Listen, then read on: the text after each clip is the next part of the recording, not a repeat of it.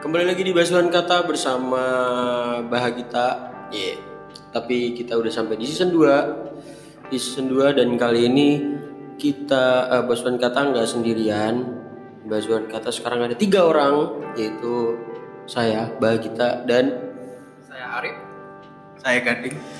dan kita di sini akan membicarakan tentang konflik-konflik yang terjadi. Woi. Ay, ay, ay, ay. Konflik-konflik yang terjadi entah itu dirasakan oleh kalian atau cuma dirasakan oleh kita dan kita membasuh lewat kata-kata. So, here we go. Oke, di topik eh, episode kali ini kita akan membahas eh, gini. Bagaimana cara bagaimana cara untuk mengatasi lingkungan yang toksik? Eh, sebenarnya itu ini sudah sempat dibahas di racun duniawi. Nah, racun duniawi. Tapi di racun duniawi itu aku cuman menceritakan ataupun kita memba aku membahas tentang seseorang yang sedang mengalami hal itu dan ya cuman sharing pengalaman aja. Tapi untuk sekarang kita mendatangkan weh, kita mendatangkan narasumbernya, Bro. Antara Korban. kok langsung to the point ya kan jadi kita langsung bahas aja gimana gimana maksudnya tuh kalau menurut kalian tuh apa sih yang disebut dengan teman yang toksik waduh serem nih. Sik. mulai dari siapa dulu nih? Kayaknya banyak kan. jangan dulu kalau banyak itu berarti yang dikit dulu bro. Nah, yang dikit dulu. Nanti biar puas. Ya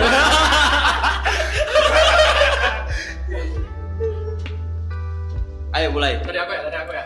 Nah, kalau dari aku ya, sebenarnya kalau lingkungan toksik itu kayak kita nggak bisa berkembang di lingkungan itu. waduh gimana tuh? Jadi kayak misalnya ada teman, eh, besok gua mau di Jakarta. Ah, nggak usah. Paling lo balik habis ini. Nah, gitu gitu. Ah iya iya. iya. Maksudnya kayak dia itu memandang rendah gitu nggak sih, menyepelekan. Oke. Iya nggak sih? Ya ya. Ya, itu salah satu masuk ya. Masuk masuk di dia toxic toxic people lah. Nah, ini nih. di sebelah teman saya, di sebelah Yafi ada yang seseorang bernama Gading, ya kan? Bagaimana? Eh, bukan itu Anda, ya kan? Iya iya iya. Bagaimana kalau menurut Anda? Seperti apa sih orang-orang yang seperti itu? Yang toksik-toksik? Wih. otaknya nggak kepake Udah poin sekali aja. Kok, kok, kok frontal? Kok frontal? Kok jadi frontal? Enggak, maksudnya tuh kayak pengertian apa ya? Menurut kamu itu loh, orang yang seperti itu tuh kayak gimana? Kayak gimana Eh, sih? menurut menurut saya eh, orang atau lingkungan yang toksik itu eh, adalah komunitas mungkin ya yang dia hobinya bukan hobi sih jadinya kayak penghambat untuk salah satu orang gitu. Oh gitu ya. Kalau menurutku sendiri toxic people itu adalah seseorang yang selalu kayak itu tuh kita ngumpul sama dia tuh berdampak buruk gitu loh. Nggak maksudnya tuh berdampak buruk bagi entah itu perkembangan kita atau jadi kayak bahan omongan malahan gitu. itu jadi itu sih salah satu. Nah, Kayaknya pengalaman mas ya. aduh sering bro dulu ya, itu ya. yang tadi saya omongin yang ringan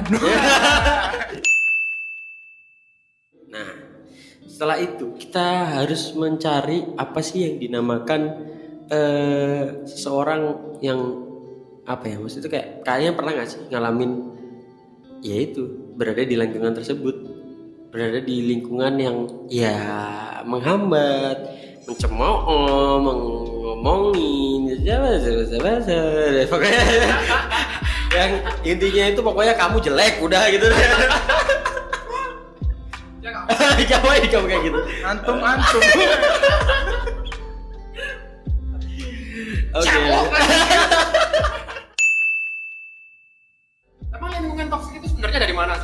Kalau menurut kalian? Lingkungan toksik itu dari perkumpulan sebenarnya. Jadi kita ngumpul nih. Enggak spesifikasinya. Teman kah? atau orang tua kah? Atau Iya. keluarga kah? Atau Sebenarnya kalau- memang mungkin pacar? Waduh, waduh. Sebenarnya kalau ngomongin toksik itu apa apa apa kalau kalau ngomongin toksik itu bisa dari mana aja sebenarnya. Racun itu nggak bisa datang yang kita tebak gitu loh semua semua hal bisa jadi racun kita sendiri juga bisa jadi racun Iya, iya. apa yang kita pikirkan juga bisa jadi racun gitu loh kalau ngomongin tentang toxic ya itu tadi yang kita ngomongin maksudnya ya itu ya itu yang kita rasain gitu loh ya udah terus apa maksudnya ya kan mungkin ada pengalamannya lu bisa ceritain aja Oh gitu. Kalau pengalaman saya sih ya sebenarnya pernah ya. Entah ini saya yang toxic apa teman-teman saya gitu. Tapi pada saat teman eh, pada saat SMP ya saya pernah di kondisi kayak ya ini namanya bukan cuma toxic sih sebenarnya. Kita membahasnya juga bullying. Weh. ya Enggak sih, enggak cuma bullying, cuma saya aja yang kurang ajar. Enggak, enggak, cuman apa ya? Mungkin dari SMP itu yang saya rasakan tuh saya selalu salah di depan teman-teman saya gitu. Apa pun yang saya lakukan dianggap salah gitu.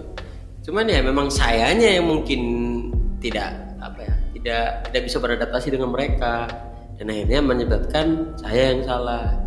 Cuman ya bukan karena itu saja sih sebenarnya mereka aja juga yang terlalu eh, mungkin memandang apa ya ini ogit nih freak nih gitu seumpama.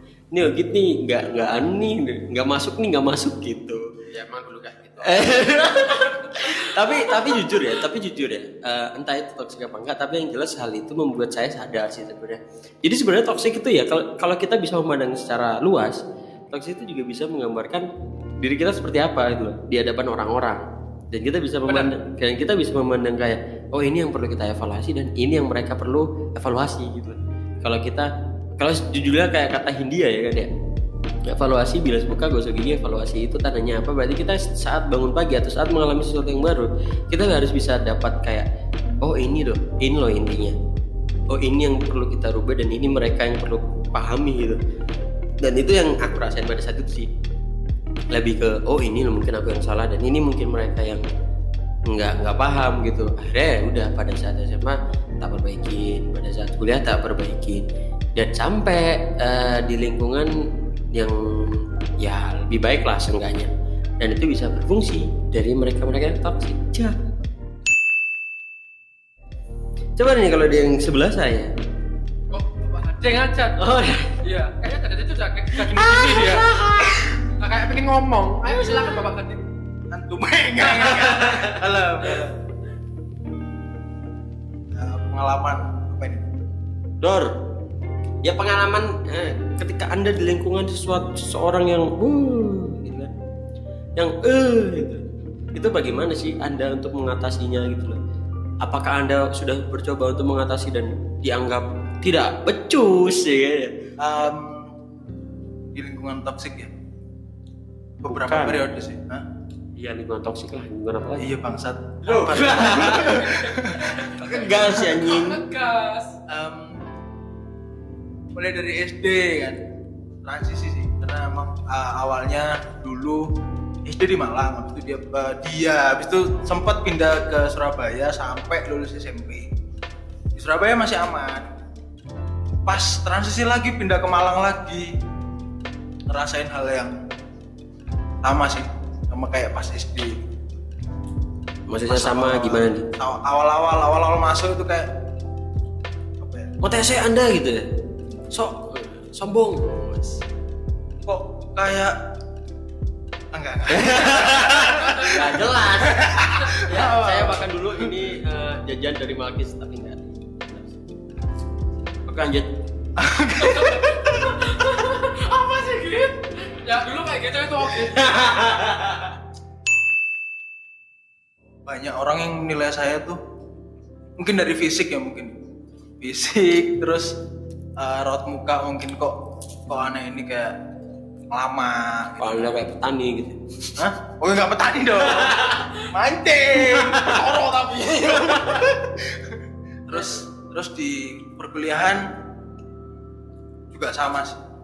Cuman nggak perlu diperjelas Nanti orangnya tersinggung. Ya. semuanya Sebenarnya saya tahu kalau Yavi ini bukan ke teman-teman sebenarnya. Ke pasangannya. Ya. Jadi pasangannya tuh ya gitu deh. Iya ya, emang ada pernah waktu itu kayak apa hubungan yang toksik ya. Jadi kayak nggak maju lah sama dia. Mana nih maksudnya? Kan lu kan jujur. Oh iya iya. iya. Tapi sebenarnya ada lagi sih yang buat Wadaw, kalau wadaw, masalah- wadaw, wadaw. Kan ini ngomongnya lingkungan teman ya. Kalau misalnya kalau selain lingkungan teman ya apa sih. kalau lingkungan teman itu ya SD dulu pernah di ngomong dipanggil panggil bencong sumpah sumpah cok aku paling Jangan emosi dong, sabar Aku dong. pindah sekolah. Sabar, sabar. Aku sampai pindah sekolah, Iya, iya, sumpah. Sabar dong. Anda beco kan lu. yang bilang bencong Sherlock terus itu waktu itu SD kelas 3 kakak kelas aku eh banci banci banci banci banci banci you know. Padahal aku di situ nggak aku biasa aja gitu. Banci. Nah, M- mungkin karena kumpulanku suka kayak suka teman- teman-teman cewek-cewek yang gosip-gosip kan emang seru kalau gibah itu ya nggak bisa dipungkiri gitu loh Anda juga suka kan? Iya, intinya kalau kalian sedang ada di lingkungan toksik, kalian cuma punya dua pilihan. Tetap melanjutkan dengan rasa yang tidak enak ataupun pergi dan merelakan apa yang sudah kamu perbuat. Karena memang sebenarnya kalau ngomongin toksik ya, racun itu kan harus ada detoxnya. Nah, kalau mamanya toksiknya itu dari orang lain, detoxnya dari siapa? Dari kita kalau racunnya itu dari diri diri sendiri dokter dari siapa dari orang lain seperti itu sebenarnya.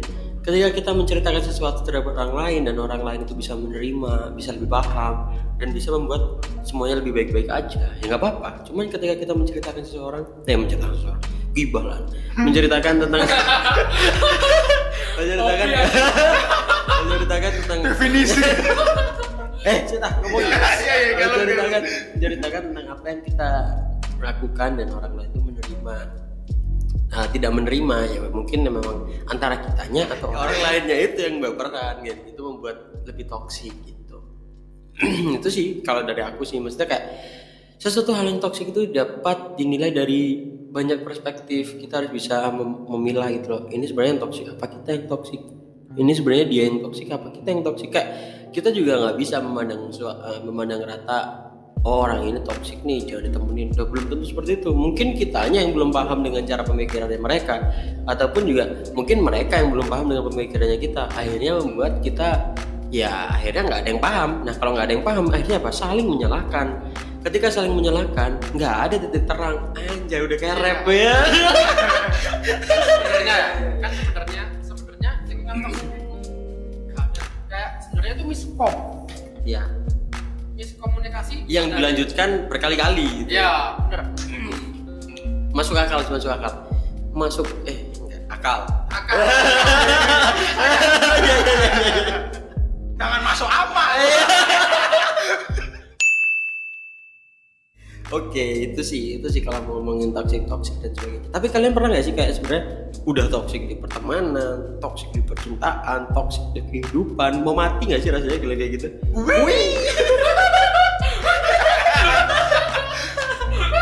Rasanya kayak udah megang gitu. Ayo mati wis mati mati mati mati mati gitu. Pernah gak sih? Kayak akhirnya tuh berujung ke self harm gitu ketika kamu disakiti oleh teman disakiti oleh pacar disakiti oleh keluarga gitu. Lalu kalian mikir kayak ini apa yang saya cari dalam hidup? gitu. Kok selalu salah gitu loh. Kok kok gini gitu. Padahal percaya nggak percaya overthinking membunuhmu guys. Ya kayak ada ada quote yang mengatakan bahwa overthinking membunuhmu dan itu dan itu bisa saja overthinkingmu. Ketika kamu tidak mengalami hal itu secara benar-benar dan tidak mencerna hal itu secara benar-benar itu bisa membuatmu mem- terbunuh secara perlahan. Mungkin dari mental mungkin dari ideologi mungkin dari apa yang kamu lakukan. Ya seperti itu sih sebenarnya kalau ngomongin tentang eh, ya pertoksikan lah gitu. Ya seperti itu sih sebenarnya ya kan? Gimana kalau kalian? Lanjut boy diem baik wah. Fit loh. kok jadi nyalakan orang lain? anda nggak boleh. Ada yang toksik jadi selama ini dan toxic dia guys. Iya, kan. ya itu tadi gimana? Banyak yang ngurusinnya ketika kita sudah menyampai di fase tersebut apa yang dilakukan? Kalau dari aku ya Hmm. selalu kayak revisi revisi apa yang salah hari udah kayak skripsi revisi iya revisi kamu kakak kakak kuliah aku Iya. Oke. Iya sabar dong. aku tuh kayak salah Iya iya iya. jadi kayak misalnya kayak gitu ya ya udah kita setiap hari kayak revisi emang kalau salahnya gimana sebenarnya kan memang swap kalau kataku loh ya. sebenarnya itu memang swap kayak yang enggak itu karena apa Misalkan. di katain seperti itu karena apa?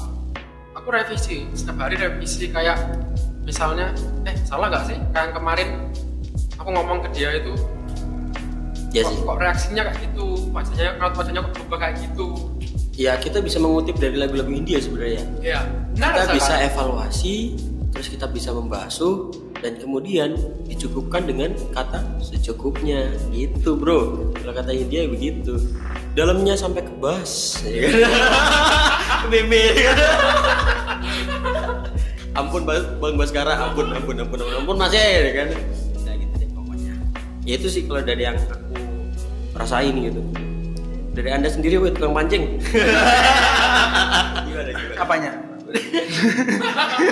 Ya, dari kesimpulannya maksudnya kayak apa sih yang akhirnya harus dilakuin ketika kamu ada di fase tersebut apa sih yang harus nggak dilakuin pada saat di fase tersebut? Kan kita tadi kemarin udah ngomongin deep tuh kan? Ya, ya. deep talk ya. Dor. Kalau kalau saya ya, saya yang saya lakuin adalah bersyukur aja sih. udah gitu doang. Serius serius bersyukur. Jadi kayak menerima keadaan terus kalau misalnya emang orang nggak bisa terima dan itu berulang kali ya kan? Berarti ya bisa saya bisa mereka gitu kan. jadi kan maksudnya nggak nggak nggak ada penentu di di situnya gitu kan makanya saya bersyukur seenggaknya oh saya masih diterima kok di keluarga oh saya masih diterima kok di suatu lingkungan yang lain yang lain yang yang yang nggak harus tetap ketemu sama orang yang sesuai fase hidup kayak SD, SMP, SMA, kuliah. berarti intinya mungkin. berarti intinya kalau menurut uh, menurut kamu itu ya udah kita evaluasi kita bersyukur kita harus uh, bisa lihat sekeliling kita yang lebih paham gitu. Nah, yang lebih paham. Jadi oh ini ada yang lebih paham. Kenapa kita nggak lihat hal itu gitu? Kan nah, ya kita harus bisa ngaca sih sebenarnya. Berarti lu eh lu. Berarti kamu menjauh dari lingkungan itu? Bukan menjauh, Men- mencari, mencari yang lingkungan cocok. pas, ya. Nah, mencari yang cocok. ya bisa yang sih. Kalau menjauh, ya jelas.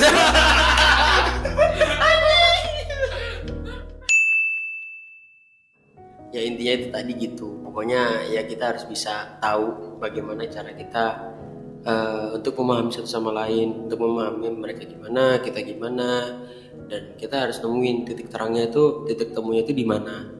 Akhirnya nggak ada yang menyebabkan ketoksikan tersebut dan nggak ada yang menyebabkan jatuh ke satu tempat aja gitu. Itu sih dari dari aku. So udah? Ada yang mau tambah lagi? Nggak ada itu kesimpulan dari episode Gak kali- ditanya nih. oh iya, iya mohon maaf. Eh itu yang pancing ayo jawab Gak ada. oh, ngapain lu protes? Maaf, maaf, maaf. Lanjut, lanjut, lanjut. lanjut. lempar juga nih pakai hampor. Ya itu sih. Jadi ketika kita melakukan sesuatu kita harus tahu dampaknya ke orang lain gimana. Dan ketika orang lain melakukan sesuatu mereka juga harus tahu dampaknya ke kita gimana. So until next time stay classy. Dan sampai bertemu di episode pasukan kata selanjutnya. Bye bye